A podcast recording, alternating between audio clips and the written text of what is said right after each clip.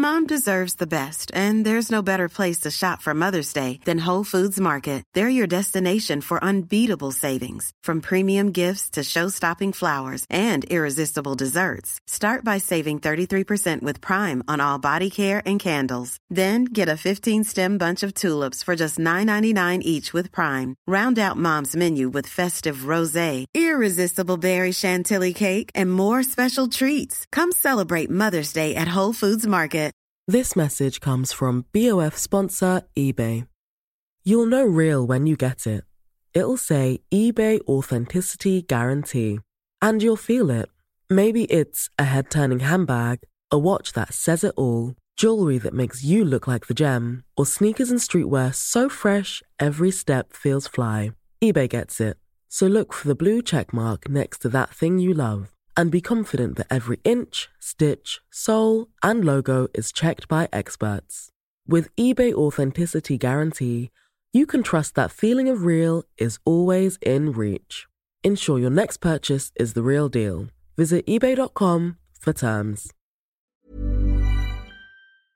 Du lyssnar på en podd från Media House by RF.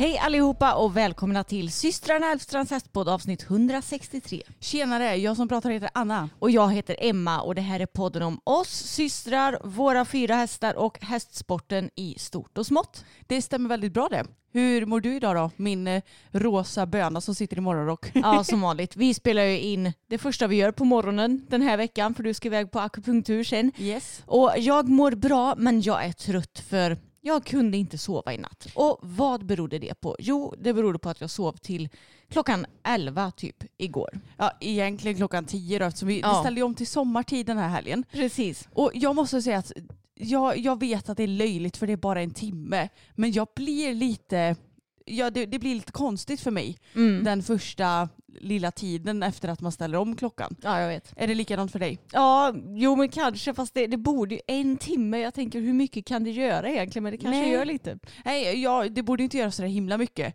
Men jag bara, ja just ja, nu är klockan en timme tidigare egentligen. Än vad den är Alltså det är så löjligt att man håller på och tänker så Ah, hela jag tiden. vet, det är så fjantigt. Och Mm. sen så går det någon vecka så glömmer man bort det. Ja. Men jag känner mig också lite seg för jag hade lite svårt att somna igår. Men eh, ja, vi ska väl pigna på oss den här dagen också. Det ska vi göra. Jag är dock eh, omotiverad på grund av en grej och det är att det har kommit snö igen. Ja, jag vet. Men vi får väl verkligen hoppas att det är sista rycket nu. Ja men jag blir så trött. Det är typ tre dagar kvar till april. Ja. Och vi bor i södra Sverige. Det ska inte vara så här kallt och snöigt nu kan jag tycka. Nej, och jag tyckte att det var ganska så rejält kallt nu i morse. Det var sju minus står det på mätaren. Det här murmeldjuret hade ju verkligen rätt. Ja, jäkla murmeldjur. Mm.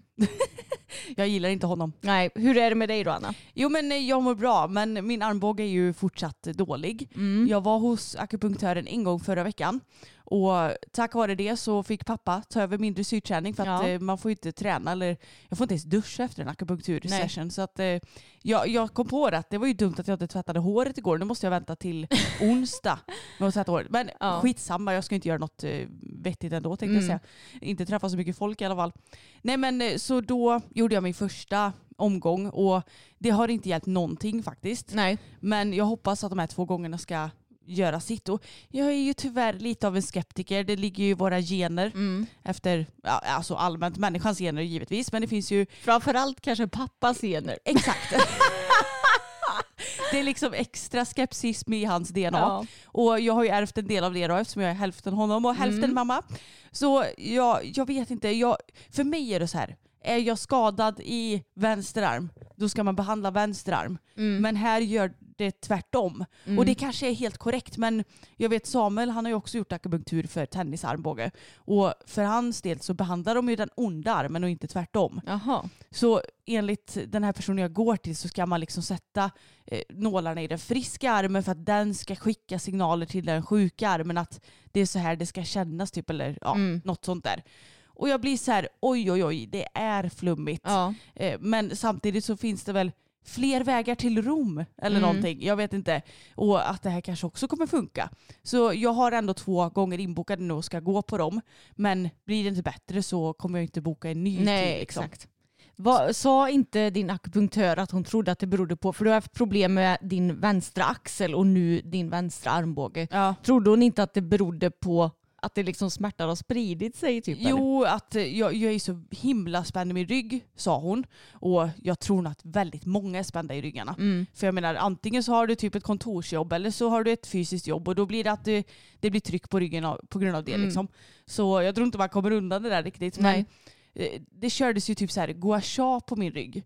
Eh, och det är när man drar, ja, man kan ju ha stenar, det har ju du i ansiktet till exempel. Men eh, nu så var det någon form av eh, sked så det nästan ut som Mm. som drogs längs min rygg i olika riktningar. Och det gjorde ju fruktansvärt ont. Och hon bara, jag kör bara lite lätt den här gången. Jag bara, Ja. okej vad är det nu du kör hårt?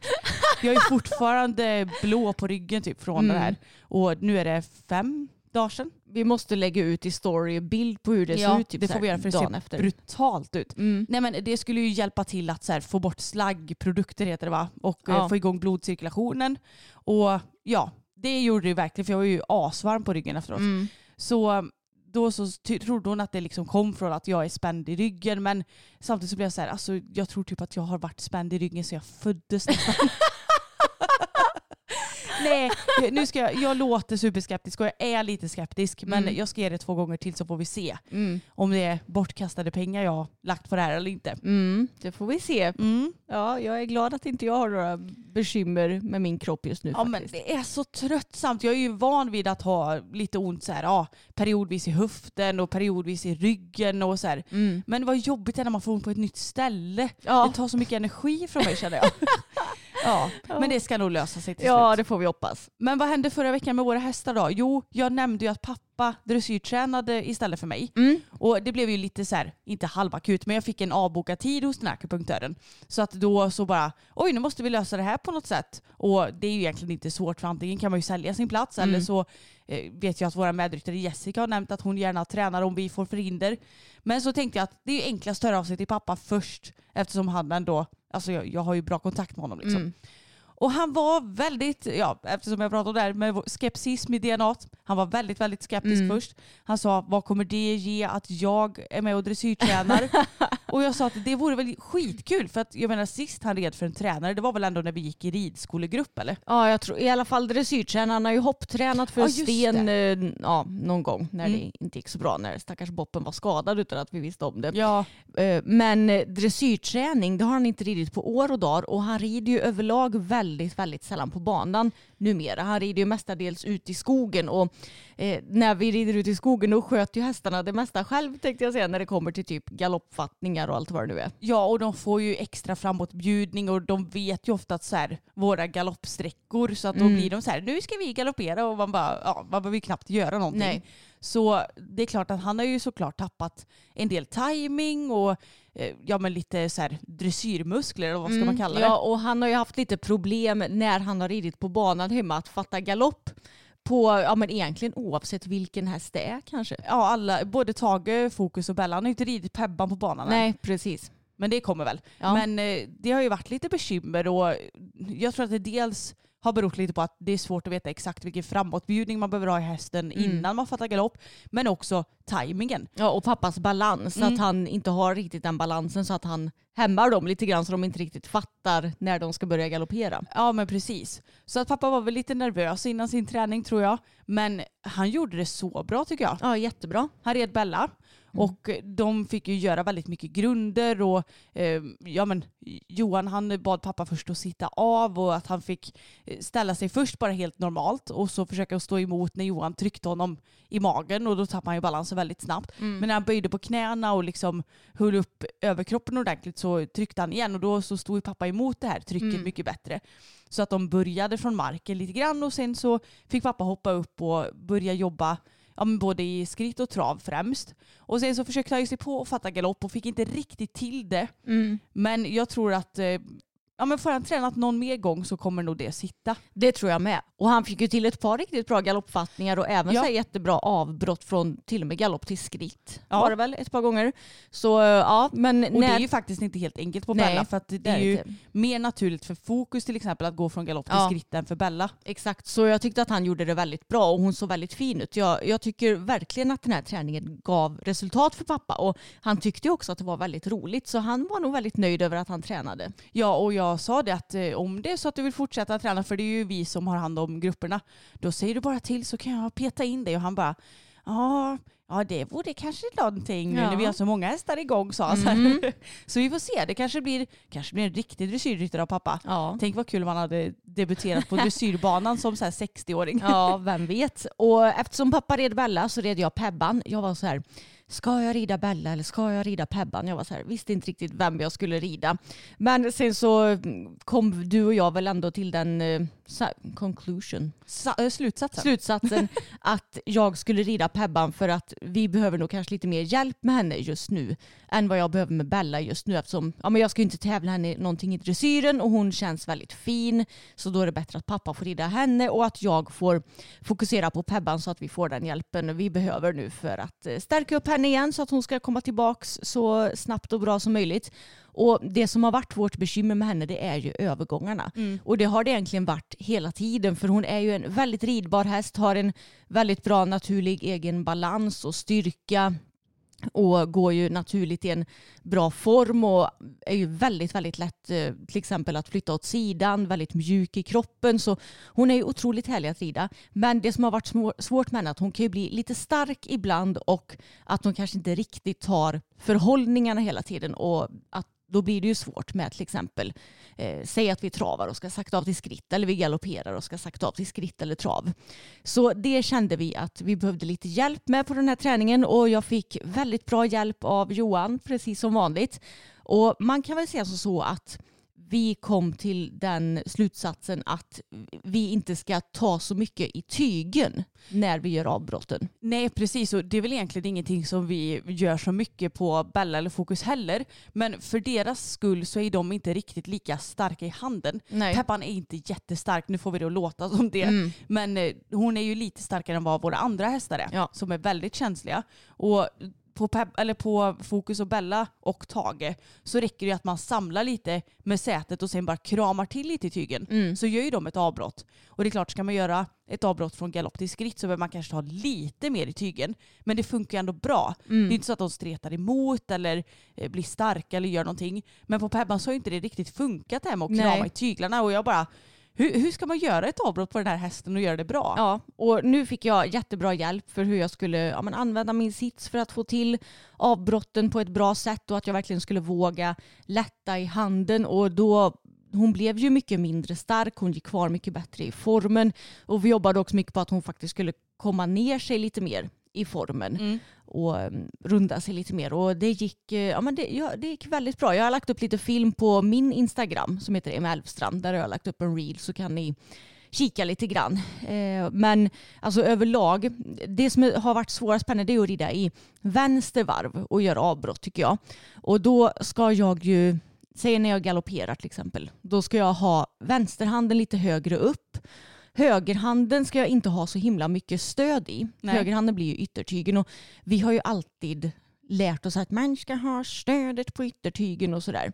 Men nu efter att vi har börjat träna med Johan så är det snarare att vi ska rida så att vi balanserar upp hästen och Mm. dens oliksidigheter. Och även vi människor är ju oliksidiga.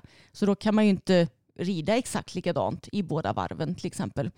Eh, Så i vänster varv så ska ju vi rida med lite högre vänsterhand, inte hålla jättemycket i högertygen och sen snarare ta halvhalterna med höger axel, alltså med ytteraxel. Ja, att man tänker att axeln ska gå bakåt istället för att hela handen ska gå Mm. bakåt. Och att man spänner det skulderbladet kan man ju nästan säga. Precis. Och sen när jag skulle bryta av att jag, ja men först att jag försöker samla henne då med axeln så att hon ska gå lite mer samlat och sen att jag gör avbrottet med mina magmuskler, att jag spänner magen och att hon då ska bryta av. Och sen kan jag ju såklart ta kanske lite grann i handen samtidigt men att jag försöker att inte göra det så mycket. Och det funkade faktiskt jättebra tycker jag. Så det var en väldigt rolig träning och den gav väldigt mycket. Så jag är glad att jag red Pebban får jag säga. Mm, ja men det såg jättefint ut och det är så gött att känna att, ja, men, att det inte alltid kommer vara så här med övergångarna. För att Mm. det har ju inte känts katastrof. Nej. Men det har ändå varit så här, det, det är inte optimalt. Nej men det var en bra vecka med hästarna. Ehm, vi red ju ut en del eftersom Mm. det var bra väder och alla har skött sig toppen bra. Och sen i lördag så vankades det tävling för mig och Bella igen. Hopptävling, årets andra hopptävling. Vi åkte till Falköping och jag hoppade en meter. Bedömning A0 plus A0.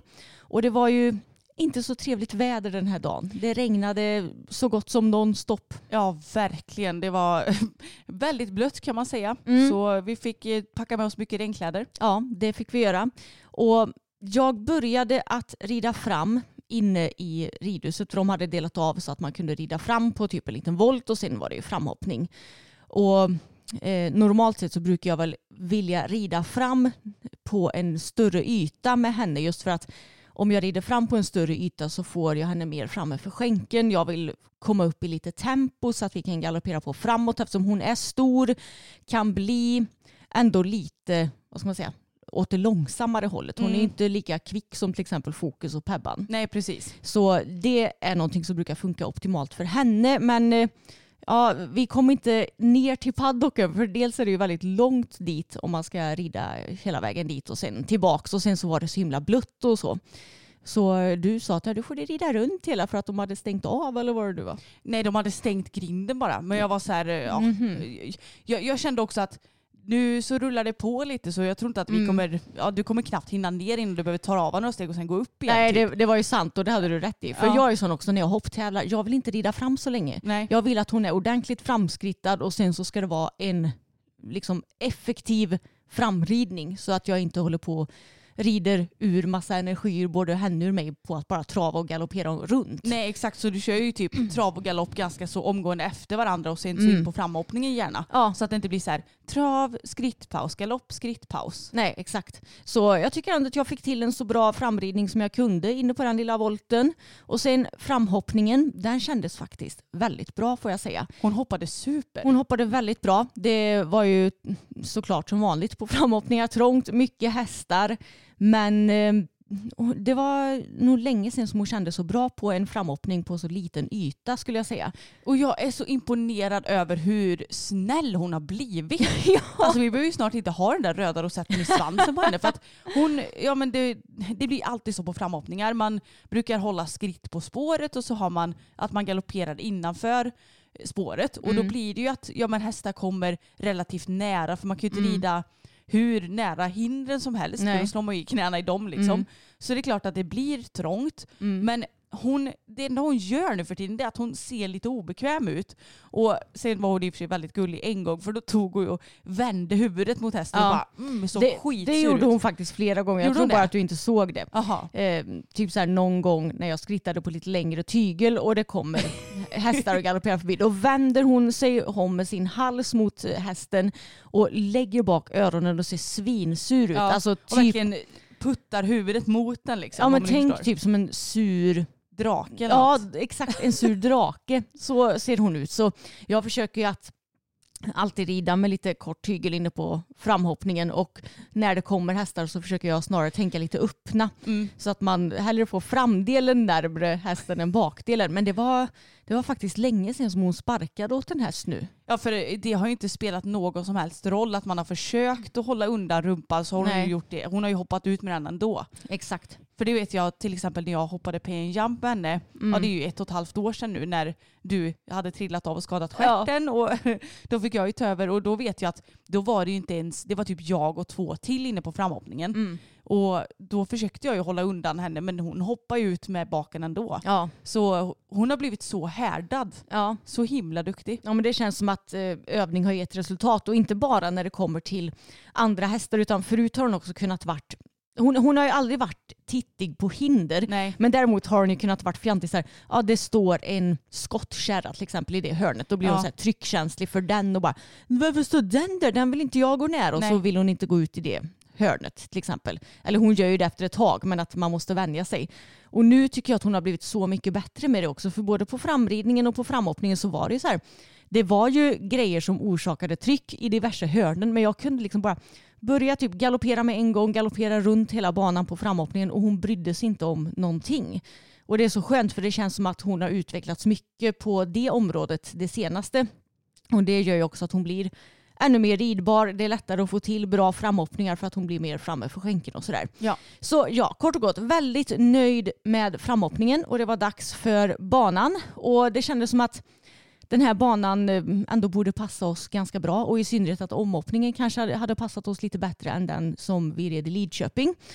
Eh, inne på banan så var det ju ett vågplank och det är ju som vi har nämnt tidigare det enda vad jag kan minnas som Bella har tittat på på tävling Mm. tidigare och det gjorde hon ju i Lidköping också. Men då fick jag ju över henne utan problem så jag såg till att ha kikat på det här vågplanket innan och tyckte inte att hon tittade så mycket på det så jag tänkte att nej men det är nog rätt så lugnt.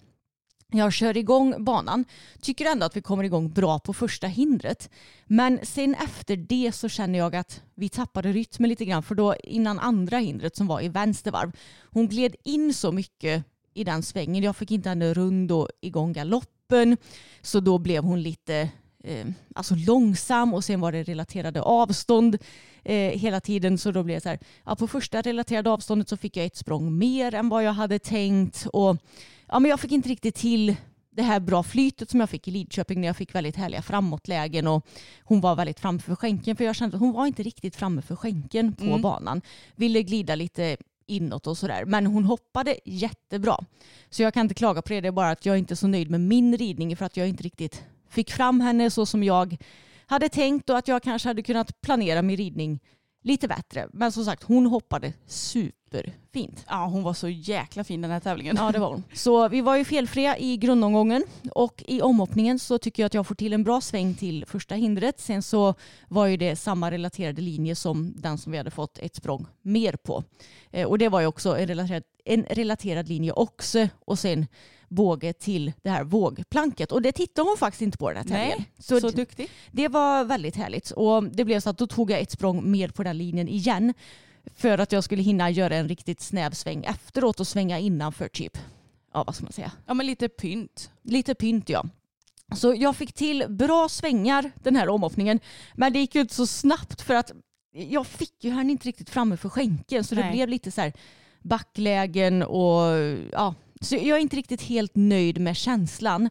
Men hon hoppade som sagt bra. Hon ställde upp trots att jag kom väldigt nära en oxer en gång. Jag tänkte att nu tar hon nog bakbommen men nej nej. Det gör inte Bella. Vilken också var det?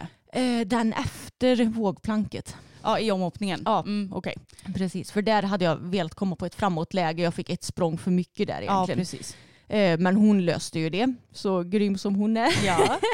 Nej, men så jag är väldigt nöjd med henne och vi blev ju felfria i omhoppningen också. Slutade sjua av 43 ekipage var det va? ja och det är också så kul att du säger ah, ja men det gick ju inte så snabbt i omhoppningen. Nej men tänk ändå att trots att det här kanske inte är er absolut bästa tävling ihop så kommer ni ändå sjua ja. av så många starter. ja. Och det såg ju, alltså jag sa det till dig efteråt för du var lite såhär, ah, jag är inte så nöjd med min egen ridning för att det blev lite backigt. Mm.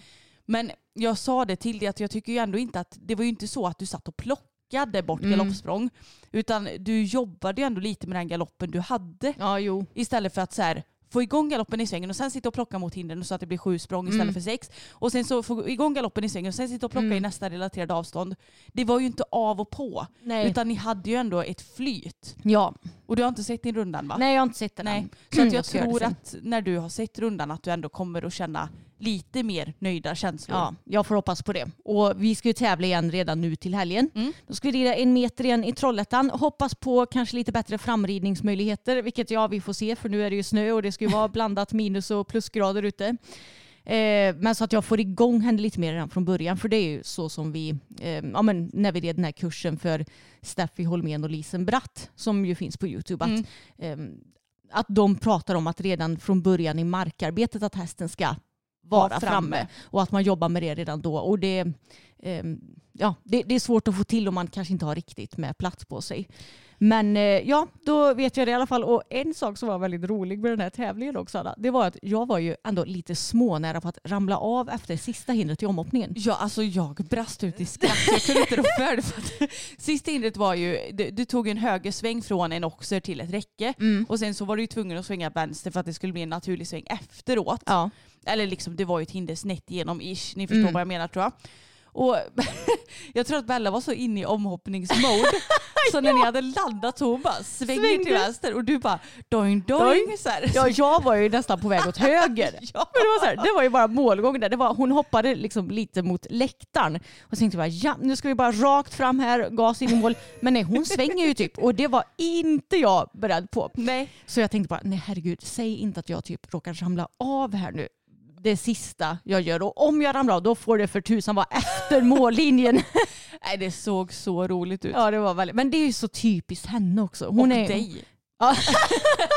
Men hon är en sån karaktär bara, nej nu svänger jag här och så bestämmer hon sig för att nu ska jag svänga här. Ja hon är ju lite Mm. så bestämd dam. Ja men hon är så himla rolig och jag är så jäkla nöjd med henne nu de senaste tävlingarna. Det är så skönt att vi får till nollorna för förra året var ju lite mellanmjölksår att det kändes bra men så fick vi ändå så här något pet. Ja. Nu känns det som om hon är lite försiktigare igen och att hon hoppar felfritt även om jag tycker att jag själv inte rider felfritt. Så himla härligt och jag är så sjukt taggad på de kommande tävlingarna nu. Ja men verkligen jag också. Det känns som att ja, men de här felfria rundorna de kommer ju tack vare att hon är så stark nu också. Mm. Hon orkar liksom ta sig över hindren även om det inte är 100% perfekt. Och ni är ju så sammansvetsade nu också så Ja. jag tror att det har en bidragande faktor med. Ja men vi känns som ett bra team så ja, Mm. jag är riktigt, riktigt taggad till helgens tävling också. Ja, jag med.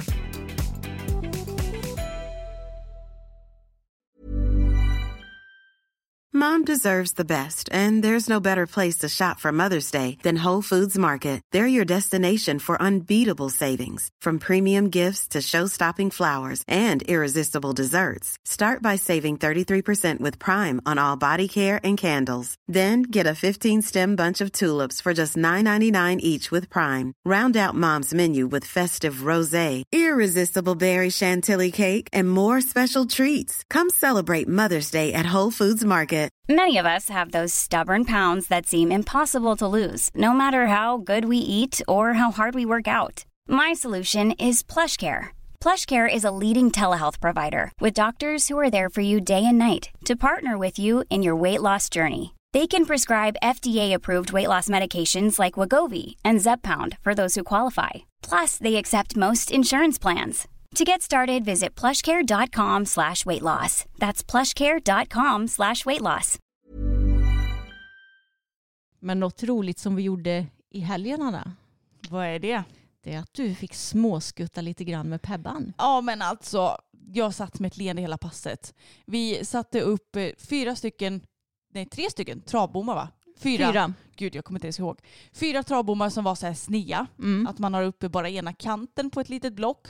Och sen så satte vi upp tre galoppbommar. Och då satte jag dem så lågt jag kunde på hinderstöden för vi hade inga fler block. Vi var på ridskolan för det var ja, det varit skitväder Mm. i- i hela helgen typ. Så då gjorde vi det och jag måste säga att någonting som jag inte gillar att rida, Mm. det är ju sådana här upphöjda travbommar. Ja, jag vet. Jag tycker inte att man får flytet utan det är lätt att hästen oj, snubblar till lite på någon bom. Ja. Och, nej, jag, jag gillar inte det. Inte jag heller. Jag vet inte varför för att ja, men jag, jag tror att det bara alltid har varit så att det Mm. känns som att hästarna typ snubblar sig inom en sån bomserie. Mm. Och Fokus han hatar ju sådana där Ja, travbommar. det kanske också delvis är därför som du inte riktigt gillar det. Antagligen, det sitter väl lite i mig Mm. kanske. Men ja, alltså hon gjorde det ju bra. Ja. Men det tog några försök innan hon fick hitta flytet och sådär. Mm. Så det är ju en väldigt bra övning för det stärker ju verkligen hästen och får den ju att lyfta ordentligt på Mm. benen och så här. Men jag är inte riktigt fan. Nej. I'm not a fangirl Nej. så att säga. Men galoppbommarna. Oj, jag hade ju glömt av hur roligt det var att hoppa den där hästen. Mm. Vi började ju med att ha lagt upp eh, bara galoppbommar studs-ish på typ 30 centimeter. Mm. Och eh, första gången jag kom an så kom vi väldigt fint in i galoppen och så hoppar hon och jag bara just det, det är så här det känns. Mm. Hon hoppar ju lite större än vad man tänker sig. För jag menar 30 centimeter, hade Bella hoppat det så hade hon ju bara buppelibuppelibu. Mm. Men Pebban har ju lite mer energi i kroppen. Ja, och mycket mer ryggverksamhet Mm. när hon hoppar än vad Bella har. Bella hon hoppar ju typ ingenting med sin rygg. Det är så här, hon har ju kanske inte världens bästa teknik Bella, men hon har viljan. Verkligen. Och Pebban hon har både viljan och tekniken. Ja, lite så. Nej men Pebban är ju, det är lite som att sitta på en tiger Ja. när man hoppar. Även när det är 30 centimeter högt. ja, hon är så härlig. Ja, och jag bara kände att åh, jag har saknat det så Mm. mycket. Jag har ju inte ens hunnit hoppa henne särskilt mycket för att Nej. ja, men du hade ju lite fokus på att hoppa henne för att ni tänkte att ni skulle ut och tävla Mm. ändå relativt snart efter att vi fick hem henne. Så jag hoppade väl henne så här ett par gånger Mm. när vi fick hem henne och sen så blev hon ju skadad. Ja. Så nu så kände jag bara att oh wow, hon är så härlig. Men hon skötte sig ju superbra Mm. och efter ett tag så höjde du ju bara upp mittenhindret pyttelite, det var ju inte ens 50 centimeter. Mm. Så det kändes sjukt bra. ja. Hon är så rolig att hoppa och jag Mm. önskar att alla hästar kunde, eller att alla hade fått känna på en sån här häst någon Ja, gång. verkligen. Hon är så himla härlig. Så det är så, så himla roligt ut. Så nu är jag taggad. Jag ska småskutta med henne lite nu i veckan också. Mm. Det ska bli skitroligt. Herregud vad jag har saknat det. Mm. Nog för att jag älskar att hoppa Bella, men de är ju två helt olika hästar. Ja och de är ju så roliga på olika sätt. På Bella är det så här, ja men du behöver få igång en bra galopp och Mm. det är egentligen det som är ditt enda fokus. Mm. Att du ska styra på hindren och så hålla en bra galopp. Mm. Men med Febban så är det ju lite tvärtom egentligen. För Mm. att hon, blir ju, hon är ju pigg. Mm. Hon är ju piggare än vad Bella är. Ja. Så att man behöver inte sitta där och jobba upp någon galopp. Men Nej. däremot så behöver man ju passa sig för att hon inte blir för lång. Mm. Och det blir hon väl inte så lätt. Men hon kan ju bli lätt att, ja men ni vet när tåget går Mm. och när den börjar och så kanske det går snabbare och snabbare. Hon är ju lite sån att Mm. det kan rinna iväg lite. Ja, exakt. Så det är väl lite det man får tänka på med henne. Ja, de är väldigt olika och Mm. som sagt de hoppar väldigt olika också. ja verkligen. Jag vet när jag hoppade fokus förra veckan. Han hoppar ju lite mer som Pebban med mycket Mm. rygg och, och sådär. Så när jag hade hoppat honom och sen när han inte ville hoppa mer med mig och jag satte på Bella och så skulle jag hoppa något hinder och det låg väl på typ så här 90 centimeter från början och så hoppade jag det och jag bara hoppade hon ens? Jag tänkte, så här, nu, jag tänkte så här, nu river hon men nej det gjorde hon inte. Hon var ju inte ens i hindret. Det är bara det att hon hoppar så platt jämfört med vad Fokus och Pebban gör. Ja, Och hästar det- har verkligen olika teknik. Ja och det är ju hennes grej. Mm. Hon, hon har inte världens eh, bästa ryggverksamhet i sin kropp överhuvudtaget. Och Jag menar, hon har ju både diskskada och kissing spines och allt vad det nu är. Så, eh, alla har ju sina olika små svagheter och styrkor och Bella har många styrkor men eh, ja, också vissa svagheter. Ja, teknikmässigt så är det ju inte den bästa. Men Nej. jag tänker också att det är lite på gott och ont det här med, med bra hoppteknik. För jag Mm. tänker att ja, i och för sig Fokus och Pebban de tar inte så lång tid på sig i luften kanske. Mm. Men jag tänker också att ju bättre teknik hästen har, ibland så kan det bli att de hänger kvar lite i luften då. Mm.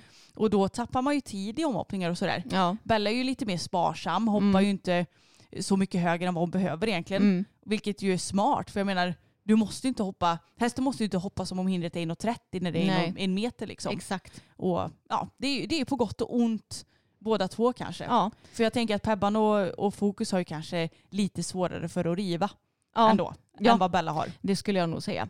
Men eh, på tal om Pebban så har ju du anmält dig till din och hennes första tävling ihop också. Ja men alltså så kul! Det känns helt sjukt. Jag bara Anna Elfstrand och Pebbles Fante Dauhoff. Ja, det blir Mm. spännande. Vi ska starta en dressyrtävling den 30 april. Mm. Så det är ju över en månad kvar vilket känns skönt för då hinner vi ju finslipa på framförallt övergångarna. Ja. Och jag var så här, jag, jag kollade igenom för vi ska till Skara och de hade både lätt B1 och lätt B2. Och då tänkte jag att egentligen så tror jag att hon passar bättre på lång bana för att Mm. hon är ju ändå stor häst med ja, men, ganska så stora gångarter ändå. Mm. Och är ju pigg och framåt så att man behöver inte tänka sig att ah, men sitta och driva ett helt program. Liksom. Eller ja, det vet vi ju inte. Hon kanske blir jätteblygsam på dressyrbanan. Det återstår att se. Ja.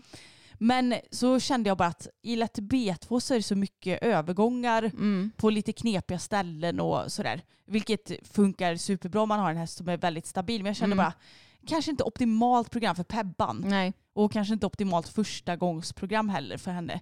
Så en lätt B1 blir det. Jag eh, ser mycket fram emot det. Mm, det ska bli så himla roligt att se och vi har ju så himla mycket tävlingar nu. Jag skrev ju till dig bara, vi måste ju anmäla Pebban till hennes eh, första dressyrtävling snart så att inte det blir fullt och du bara, men herregud när ska vi hinna det? Vi får se till så att det inte blir för mycket för oss Ja. igen. Och jag, men sen så sa du också att nej, nu får vi passa på när både vi och hästarna är friska och allt vad det nu är. Ja, och framförallt så är det ju alltid så att ja, men, tävlingssäsongen brukar ju ändå vara i hyfsad gång fram till så här, mitten av juni eller kanske Mm. Möjligtvis hela juni. Mm. Men sen så brukar ju tävlingar inte arrangeras sådär jättemycket på somrarna. Mm. Det brukar vara så här mer kanske lite meetings och sånt där. Mm. Så det finns ju säkert tävlingar i sommar Ja. också. Det är inte det att det är helt glest. Men då kanske man inte hinner lika mycket för att man vill hitta på annat eller man vill Ja. ha lite lugnt och sådär. Så att då får vi passa på. Precis, vi har ju ändå lite sommarplaner och på att åka utomlands och sådär Mm. till exempel. Så vi, vi tänker att vi kör på som tusan nu i vår. Och det är ju så många tävlingar för nu har vi ju tre hästar som ska tävlas. Mm. Och som är liksom unga och fräscha och som vi kan tävla på. Så det blir ju tävling alltså, nästan varje helg känns det som. Men det blir inte tävling för varje häst varje helg. Nej, utan nej. det varierar ju lite grann. Så vi har eh, att göra i vår kan man säga. Men det ska bli himla roligt för alla våra hästar är ju så himla fina nu. Ja men det är väldigt kul. Och jag kan ju bara passa på att nämna också att jag och Fokus ska tävla i helgen. Mm. Vi ska rida en medelsfossé i Essunga och det ska bli kul. Mm. Även om jag känner att nu har vi inte tränat så mycket för du har ju tagit över tyglarna inför Mm. eran tävling. Men jag känner också att ah, vi känner ju varandra så bra så att det borde ju absolut inte bli någon Nej. katastrof. Då får vi se om ni lyckas få till en sjua på någon öppna. Ja det tror jag inte. Jag red, red.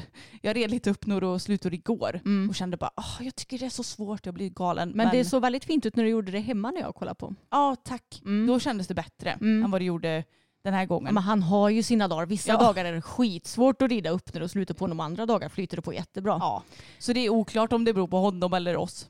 Ja men jag tror nog det är mycket mentalt också. Typ de Ja. dagar som han är lite spänd och så här bakom skänken är det inte lika lätt. Men eh, han har ju inte riktigt stått på pluskonto till senaste.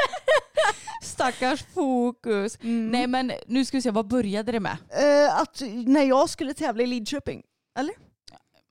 Nej, då, jo i och för sig då ville han ju inte gå på släpet. Mm. Det tog kanske en halvtimme att lasta honom för att Mm. han eh, blev så här dramatisk att han inte ville gå på transporten och Mm. då slet han sig en gång också. Mm. Så då sprang han in i paddocken till Pebban och Bella, mot Pebban och Bella Mm. liksom. Men sen så gick det ju heller typ inte att lasta honom för att vi tog in Tage då i transporten och tänkte att "Ah, ja men då kanske han bara "Ah, ja men nu har jag kompis och då går det bra. Mm. Nej men han brydde sig inte om att Tage stod där. Nej. Men till slut så fick vi på honom ändå.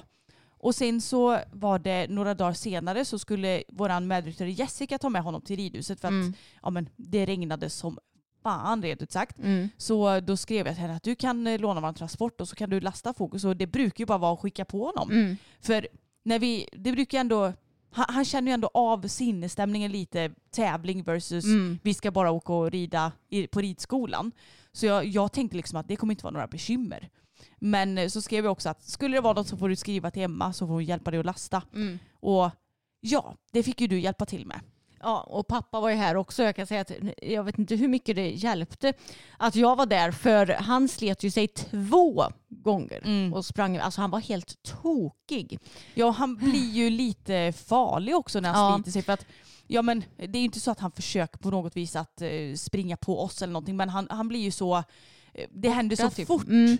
Precis, och den här gången istället så hämtade vi Bella och då gick han på mig en gång. Så han vill ju Ja. hellre in till Bella än till Tage för han känner väl en större trygghet till Bella. Ja. Ja, nej, så det var lite kaosartat den dagen och då skrev jag till henne att Anna, du måste lastträna fokus om du vill åka ut på tävlingar med honom i vår för han har varit eh, skitjobbig nu det senaste. ja, och då kände jag bara... åh, hela eh, luften gick ur mig och jag kände mig så besviken. För att jag Mm. kände bara... Jag har kämpat så mycket med den här hästen och äntligen så har han blivit lätt att lasta. Det är bara att skicka på honom och så Mm. stänger man och så är det bra. Och det har ju liksom varit så under typ ett års tid eller någonting. Mm. Att det har varit väldigt enkelt. Ja. Men sen så försökte jag att hitta någon form av anledning till varför det har blivit så här. Mm. Och det slog mig att ja, men vi var ute och tävlade själva, bara jag och han, i januari. Mm. Och sen i februari så var vi ju på tävling med Bella och Fokus i Vänersborg. Och då tror jag att Fokus blev lite så här, nej jag vill ha med mig en häst till, jag vill inte åka själv. Mm. Det var ju mycket trevligare att vara på tävling ihop med någon annan, jag vet inte om han tyckte det. Men, Mm. men han är ju en häst som inte riktigt trivs med att vara ensam. Mm. Så då blev det väl kanske att han, ja, jag vet inte. Det är bara min teori att han, Mm. han fick smaka på godiset en gång, då vill han ha det igen. Liksom. Så då blev han ju lite svårare att lasta efter det. Men det har liksom inte varit svårt heller, för jag var ju på ridskolan för kanske så här två, tre veckor sedan Mm. och lastade själv. Och då var det lite så att han bara, "Nej, men nej, jag vet inte. Och jag bara, jo men kom igen, gå in. Och han bara, ja okej, det går bra. Mm. Så eh, det blev liksom bara, jag blev lite less Ja. kände jag. Mm. Men eh, nu så har jag tagit tag i att lastträna. Vi gjorde det senast igår när vi Mm. åkte till ridhuset själva, jag och han. Och det gick ändå bra. Nu har jag ju försökt att applicera Bella-metoden på Mm. fokus och det innebär att man visar upp att man har ett litet spö i handen i stallet för att de ska veta om så att okej, Matte har det i handen. Mm. Och sen så pekar jag in med handen och sen så tar jag spöet bara mot rumpan och på Bella så jag behöver inte göra någonting längre. Mm. Jag bara pekar in den och så går hon in. Mm. Men eh, på fokus så har jag spöet för att kunna så här, rikta olika kroppsdelar. Mm. För att han kan ju bli lite så här, nej men nu går jag ut med bogen mot dig, då kan jag ta spöet mot bogen och bara Mm. så toucha bogen pyttelite, ja men då går han in så att han står rakt. Och även använda spöet till att så här, bara lägga Driva. på skinkan. Inte slå, absolut inte, utan bara så här, peta på Mm. så att han vet att han ska gå in. Liksom. Och vi har ju använt sån här eh, natural horsemanship-pinne innan. Mm. Men jag känner att med den så hinner jag inte vara så snabb. Nej, de är så tunga. Ja, så jag känner, jag trivs bättre med att ha ett dressyrspö för att då hinner jag Mm. snabbt, om han ändrar bogen så kan jag snabbt rikta om och så ta mot den. Och han blev ju lite upprörd, Mm. för det har han ju blivit de senaste gångerna vi lastat. Ja. Men nu hade jag ju rep och repgrimma på honom. ja. Så nu när han sprang iväg så höll jag ju bara i änden av rep, Mm. repet liksom. Så fick han ju hålla på och stegra och galoppera bortåt så som Mm. han gör när han blir lite drama queen. Och det tog nog inte mer än typ så här tio minuter var Nej. han på transporten. Nej, det gick mycket, mycket snabbt får jag säga. Mm. Så det kändes väldigt skönt och eh, jag tror ändå att får vi lastat några gånger nu så kommer det här problemet att vara löst Ja. hoppas jag. Det tror jag med. Men det var ju inte så roligt när han hade gått på transporten. Då tänkte jag att nu ska jag vara lite snäll och gå ge honom en morot. Mm. Ja, då tog han ju den i två bitar. Första biten gick bra. Andra biten, han var väl uppe i lite adrenalin så han tänkte väl inte så mycket. Han biter ju inte bara tag i moroten, han biter tag rätt i mitt pekfinger, eller säger jag, långfinger också. Stenhårt. Stenhårt på min nagel, alltså på toppen av fingret. Så jag ser nu, han har liksom skavt bort lite av mitt nagellack. till exempel. Och fy fan vad ont det gjorde. Det blir ju som en stor klämskada. Ja.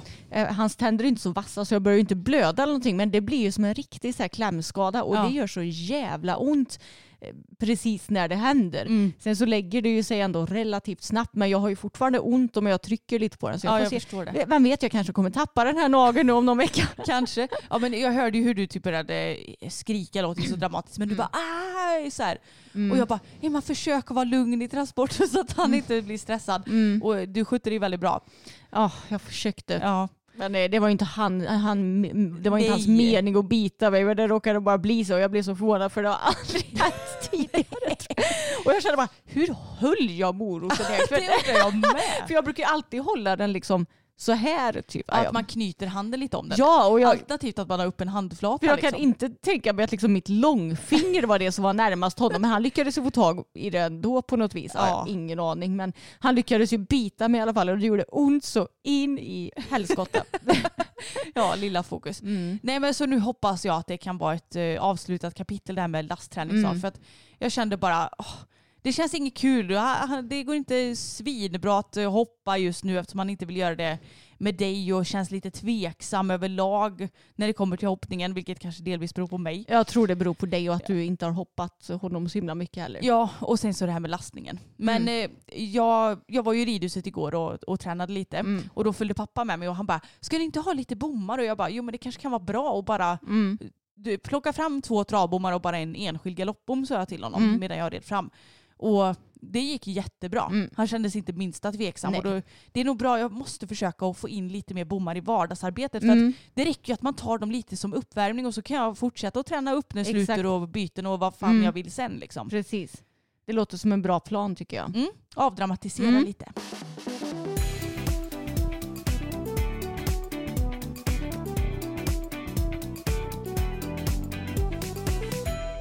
Jag har kommit på ett stallick som jag har. Okej, och vad, kan vi inte förklara vad icke är för någon som Du, inte jag vet? visste att du skulle säga det här. Ja, Anna. men grejen är att vi fick ju den frågan för ett bra tag sedan. Mm. Har ni några x? Och vi bara, vad är det? Och då fick vi inte ens upp någon bra förklaring när vi googlade på det. Nej men hur ska man säga? Det är typ någonting som man Stör sig på. ja, men stör sig på och liksom blir lite, alltså inte äcklad, av, men lite, så här, uh, Ja exakt. lite rysig av kanske. Precis. Och ett stallick som jag har någonting som både du och pappa gör ibland. Okej. Det är att när ni tar ut hästar från hagen och det inte är någon häst kvar i hagen så slänger ni tråden på marken. Jaha.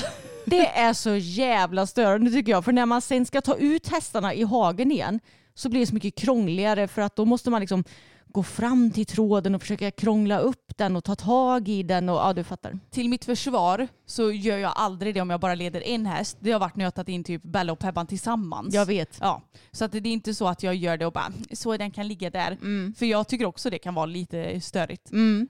Men eh, pappa däremot vet jag inte om han brukar göra det. Nej, nej, inte lika mycket. Men jag är allt sån att när jag tar in hästarna då, eh, då sätter jag fast tråden Mm. där den ska vara för att då blir det lättare sen när man ska släppa ut dem i hagen. Ja och det är också en av anledningarna till varför eh, våra hästar smet en gång var ju för att någon hade gjort så.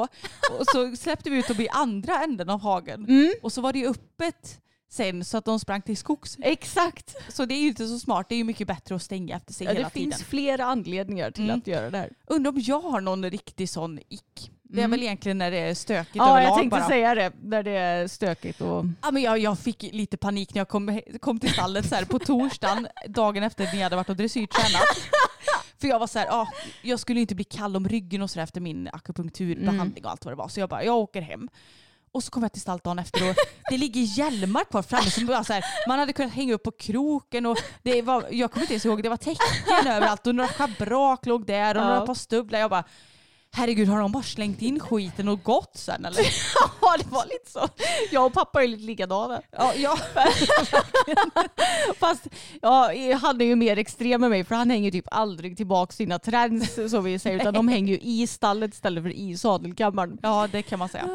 Ja men det, det är sant. Men det, det är mitt eh, så här, främsta stallick som jag kommer på just nu i alla fall. Ja, jo det är nog det. Och någonting som jag också så här, det går inte att rå för, men eh, något som jag uh, ryser lite av det är att sopa stallgången, speciellt i blött. Mm. När det verkligen... ja jag vet. Jag, jag, Hatar. jag gillar inte det heller. Jag hade gärna haft en våtdammsugare eller någonting då. Det hade varit smidigt. Nu förra veckan så kom det ut ett eh, besked ifrån det tyska ridsportförbundet och jag läser ur en artikel ifrån Hipson som heter Tyska förbundet lägger ner utredningen mot Ludger Beerbaum. OS-ryttaren Ludger Beerbaum frias nu från alla anklagelser gällande brott mot djurskyddslagen sedan den omtalade barreringsskandalen. Det blev ingen rättegång och nu meddelar även det tyska ridsportförbundet att man lägger ner sin utredning. Metoden toucheren som tidigare var tillåten är nu förbjuden. Det var i mitten av januari år 2022 som den tyska tv-kanalen RTL uppmärksammade inslag från Ludger Beerbaums träningsanläggning sändes, vilket Hipson löpande rapporterade om. I inslaget visas filmklipp när OS-ryttaren rider på flera hästar som barreras under hoppträning. Beerbaum själv har tillbakavisat anklagelserna och menar att det inte handlade om barrering utan tortering som i Tyskland då var tillåtet. Tortering är sedan tidigare förbjudet i Europa och Tyskland har varit ensamt land om att tillåta metoden men nu är metoden alltså även förbjuden i Tyskland. Beerbaum anmäldes då för brott mot djurskyddslagen. I september 2022 meddelade åklagarmyndigheten i Münster att förundersökningen mot ryttaren lades ner i, bris, i brist på tillräckliga bevis. Det tyska ridsportförbundet har däremot fortsatt att utreda saken fram tills nu då de meddelar att även denna utredning nu läggs ner. Även förbundets utredning läggs ner på grund av brist på bevis och menar att det inte går att avgöra om hästen som syns i det filmade materialet utsattes för så kallad betydande smärta eller lidande.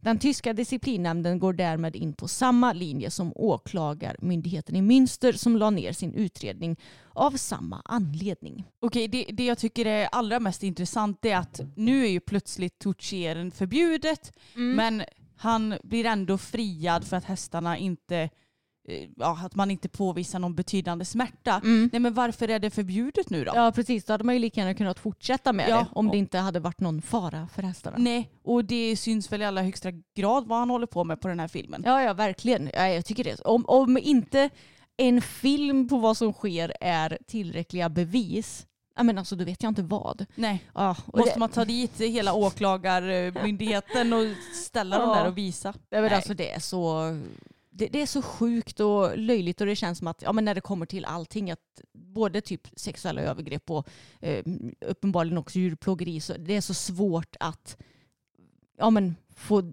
sätta dit någon. Ja, trots exakt. att de har begått de här brotten och utsatt kanske både människor och hästar för trauman. Ja, och trots att det finns bevis. Ja, exakt.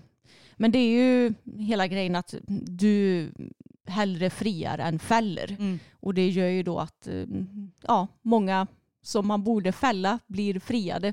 Så jag tycker det här är väldigt konstigt beslut och väldigt tråkigt och säger ju kanske ganska mycket om hur ja, men kanske vissa både sporten och förbund och människor ser på hästarna.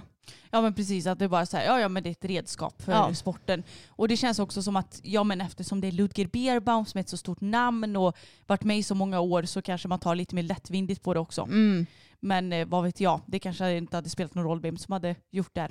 Who knows? Who knows ja. Och eh, bara en liten, eh, vad ska man säga, input så är ju toucheren, det är väl att man tar en pinne typ och slår till på hästens ben eller vad är det? Ja, en lättare form Ja. av barrering. Ja, och man bara ah, så det finns en lättare och svårare form av bar- barering. precis. Ja. Barering är väl barering kan jag tycka. Jag tycker också det. Ja, herregud. Men det, det, vi har ju sagt det förut när vi pratade om det här, att nu har ju jag och Anna börjat driva om det här touchering. Så nu säger vi att vi, vi ska antingen duscha och då duschar vi hela kroppen och tvättar håret eller så är det duscheren. Då är det Och- bara kroppstvätt. Då, det är en lättare form av dusch som innebär att man inte tvättar håret utan bara kroppen. Ja, Mm. exakt. Så det är faktiskt lite kul. Det har, det har ju nästan blivit en självklar del i vardagen. Ja, ja.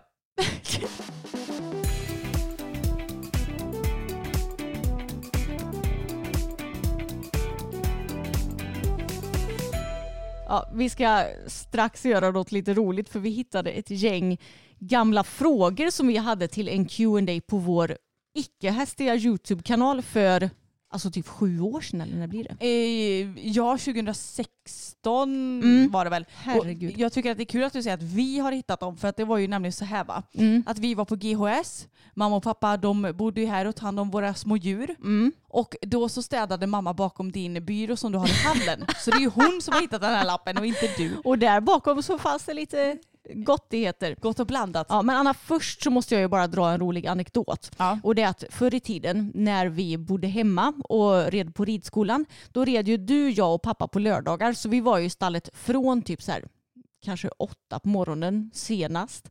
För vi red tidigt på morgonen vet jag. Mm. Och sen hade vi säkert stalltjänst också. Antagligen. Som, som vanligt. Och sen så red vi någon specialgrupp typ vid tolv eller något sånt där. Då var det Mm. hoppgrupp tror jag. Och sen så åt vi ju en sen lunch vid typ så här två, tre kanske när vi kom hem. Mm. Och då på lördagar, då lagade mamma alltid samma mat. Och det här är ju lite konstigt kan jag tycka nu idag när jag är vuxen och lagar mat själv. Men det mamma lagade då, det var alltså potatismos och enbart kokt torsk. Ingen sås utan det var mos och torsk och sen fick man smörgåsgurka till Ja, äta. alltså no offense mamma, men det hade kanske varit gött med någon äggsås eller något åtminstone. Ja men exakt. Fast Men det, det kanske vi inte gillade när vi var små, men vitsås då? Ja exakt men det är ingen sås. Och jag tyckte inte det var något konstigt för jag älskar mos och jag älskade torsk så jag åt ju det så glatt så. Men Anna du var inte riktigt en fan av torsk. Nej, jag var ju lite kräsen när jag var liten så att Mm. fisk det var ju på min eh, röda lista så att säga.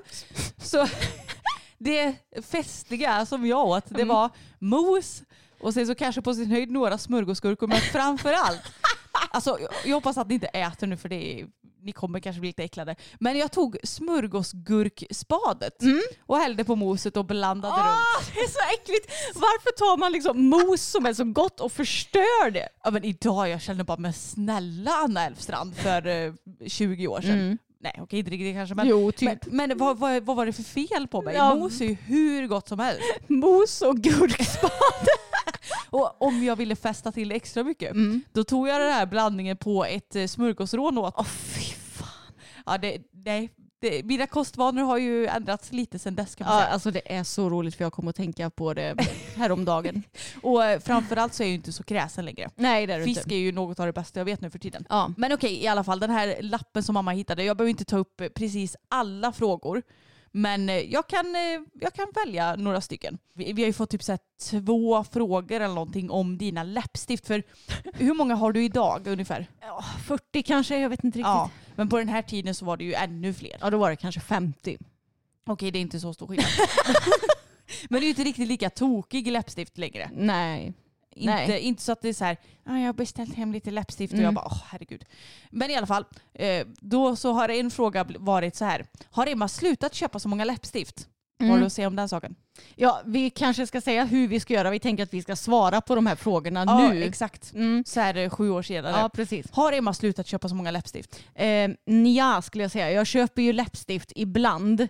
Men nu det senaste har det mer varit så att jag har köpt andra smink och hudvårdsgrejer. Så jag är fortfarande beauty-tokig. Men jag har inte riktigt köpt lika många läppstift. Utan jag försöker ändå använda de som jag har. Men det är så kul för du är ju en riktig periodare. Så Mm. den här perioden så var det ju läppstift som var högst upp på listan. Ja. Sen så var det ett tag så var det ju ögonskuggor och jag kände bara, men snälla Emma nu kan du inte köpa fler för du har alla färger och du kommer inte använda upp dem heller för den. Så att eh, jag får ju vara lite din bromskloss vilket Ja. kanske gud jag är så tråkig. Okej men sen så har du också fått en fråga, vilket är ditt favorit liquid lipstick, märke och färg? Mm, det är Fenty Beauty Uncuffed. Är det den som jag har? Ja, Mm. Älskar den också faktiskt. Mm, Fenty Beautys eh, liquid lipsticks, eh, de är ju de enda läppstiften som torkar helt matt och är transferproof som jag inte stör mig något på. Alltså de känns inte torra eller något sånt där på läpparna. Nej det är helt sjukt för jag är ju inte en läppstiftsperson Nej. egentligen men jag ska försöka bli lite bättre på det. Mm. Och jag bara, vad ska jag köpa? Du bara, Fenty Beauty. Jag bara, Mm. okej. Så nu har jag köpt hem två stycken. Den ena färgen trivs jag tyvärr inte i för jag Nej. tycker den är lite för ljus för mig. Mm. Men eh, Uncuffed som den heter, den är ju typ lite lila, eh, brun kan man väl nästan kalla Nej, den. jag skulle säga varm brunrosa. Varm brunrosa. Ja, Dusty Rose fast lite mörkare. ja, det är Mm. nog sant. Men den formulan, Ja. det känns inte som man har någonting Nej, på jag läpparna. vet. I love it. Så jag ska lätt köpa fler Fenty läppstift. Jag vill ha ett något rött också. Ja men det har de. Mm. Och det här tycker jag är extra kul. Vet ni vilka Marcus och Martinus är? Vad tycker ni om dem? Jag vet man inte vilka Marcus och Martinus är nu 2023 precis efter Melodifestivalen. Då har man bott under en sten. Så ja, det vet vi. Och de är ju väldigt duktiga. Ja, och vi har ju vetat vilka de varit i ganska många år Vi också. visste det över 2016 kan Ja, det måste säga. vi göra. När kom Elektrisk ut? Kom den inte ut typ någon gång kring Då. dess? Jo. Hur gamla är de? Nu ställer jag frågor som du inte vet svaret på. 18, Det- det här är 19 alltså- kanske? Jag vet inte. Är de så unga? Ja, det tror jag. Det här är alltså inte frågor som är med i på lappen vill jag bara säga. Hur har ert 2016 varit? Tror ni att 2017 blir bättre eller sämre? Kommer du ihåg hur våra år var då Emma? 16, Nej, 17? 2017 var nog inte så jävla bra för mig i alla fall tror jag. Var det då du hade ditt utmattnings... Eller du Ja, men alltså, det var ju då som jag typ inte kunde sova överhuvudtaget. Ja, vet. var det det året? Ja det var det. Så Mm. 2017 var nog inte så jättebra år för mig. Jag kommer ju inte ihåg hur det var med hästarna de här åren. Nej, jag minns inte heller. Men 2016, det var väl då som vi fick ta bort Abbe va? Just det. Så det var ju väldigt eh, Mm. dåligt liksom Mm. och var ju traumatiskt att vara med på hela den grejen. Men 2017 så köpte vi ju Fokus i slutet på året. just det, ja. Ja men det var nog ändå ett ganska bra år tror jag Ja, för det, min del. det var nog helt okej skulle jag Ja. säga. Tror ni på ett liv efter döden? Jag vet inte. Jag, jag, jag tänker inte så himla mycket på det. Jag, en del av mig tänker ju att eh, alltså själen är någon form av energi och energi kan inte försvinna så att det kommer omvandlas på något vis. Det är väldigt svårt med sådana här filosofiska frågor tycker jag. Mm. För en del av mig tänker att det är som att som du sover fast drömlöst. Alltså att det är bara Exakt. så här, Precis, det är en, tycker jag också en logisk förklaring. ja det tycker jag med. Mm. Att så här, så, nu sover du för evigt liksom. Ja. Eh, men eh, sen så hade det ju varit väldigt kul typ att spöka för sådana man inte tycker om. När man har dött. Så det, på något vis så hoppas jag att jag blir ett litet spöke. Ja, och jag tänker, det är ju så himla många som säger att de har sett spöken Ja. och sådär, så det borde ju också, det kan ju inte bara vara... Och det är ju inte helt random grej. Jag tänker att det måste ju vara, ha varit en person. Det ja, inte bara... och, nej, och det kan ju inte bara vara massa som har hittat på det Nej. här. Så jag tycker ändå att det finns tillräckligt mycket bevis för att någonting ska ske efter döden. Mm. Samtidigt som jag också tycker att det är logiskt att det inte är så. Jag vet att jag dejtade en läkare någon gång och så kom vi in på det här ämnet och då sa han det, ja men du har ju varit död ända tills du började leva. Alltså jag, det, jag minns ju ingenting tidigare. Ja, så han, han menar att eh, du har varit död innan du kom till liv Precis. ur mamma. Ja, Ja. exakt. Och jag bara, ja det är faktiskt väldigt, eh, that makes sense. Sen så finns det ju också många som minns sina tidigare liv.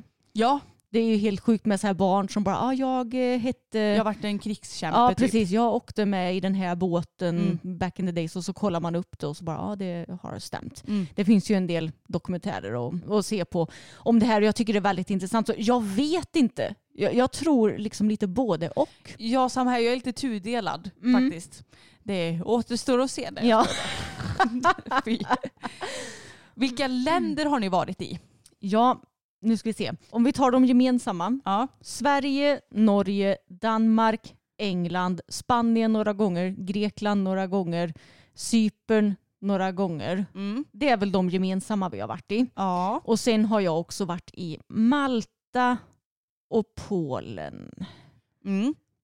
Jag tror inte det är något mer. Nej, och jag har ju också varit ehm, Kroatien. i Kroatien. Annars så har jag nog inte varit någon annanstans heller vad jag kan minnas. Nej. Nej. Kan ni prova att prata norska i en video? Det gjorde ju vi. Det gjorde vi. Så ni får, den finns på vår vanliga YouTube-kanal. Mm. Mm. En eh, norsk challenge eller vad vi Den kallar det. skitrolig. Och sen så tycker jag också det här är en så rolig fråga. Vad har ni oftast på er för outfits? Man bara, för att vi är ju sådana modelejon. Ja precis. Nej men eh, outfits då är det ju oftast när vi går till gymmet på morgonen så har vi på oss Träningskläder. träningskläder. Sen när vi kommer hem då blir det ridkläder. Och sen när vi är klara för dagen och har duschat och så här då åker ju mjukisbyxor och pyjamas eh, t-shirt på för min del. Ja och för min del så är ju det lite olika. Ibland mjukiskläder, ibland typ jeans och någon topp och ibland så åker ett par rena träningsbyxor på. Mm. Det är lite olika men eh, Ja. Outfits, alltså jag känner mig väldigt stillös många gånger.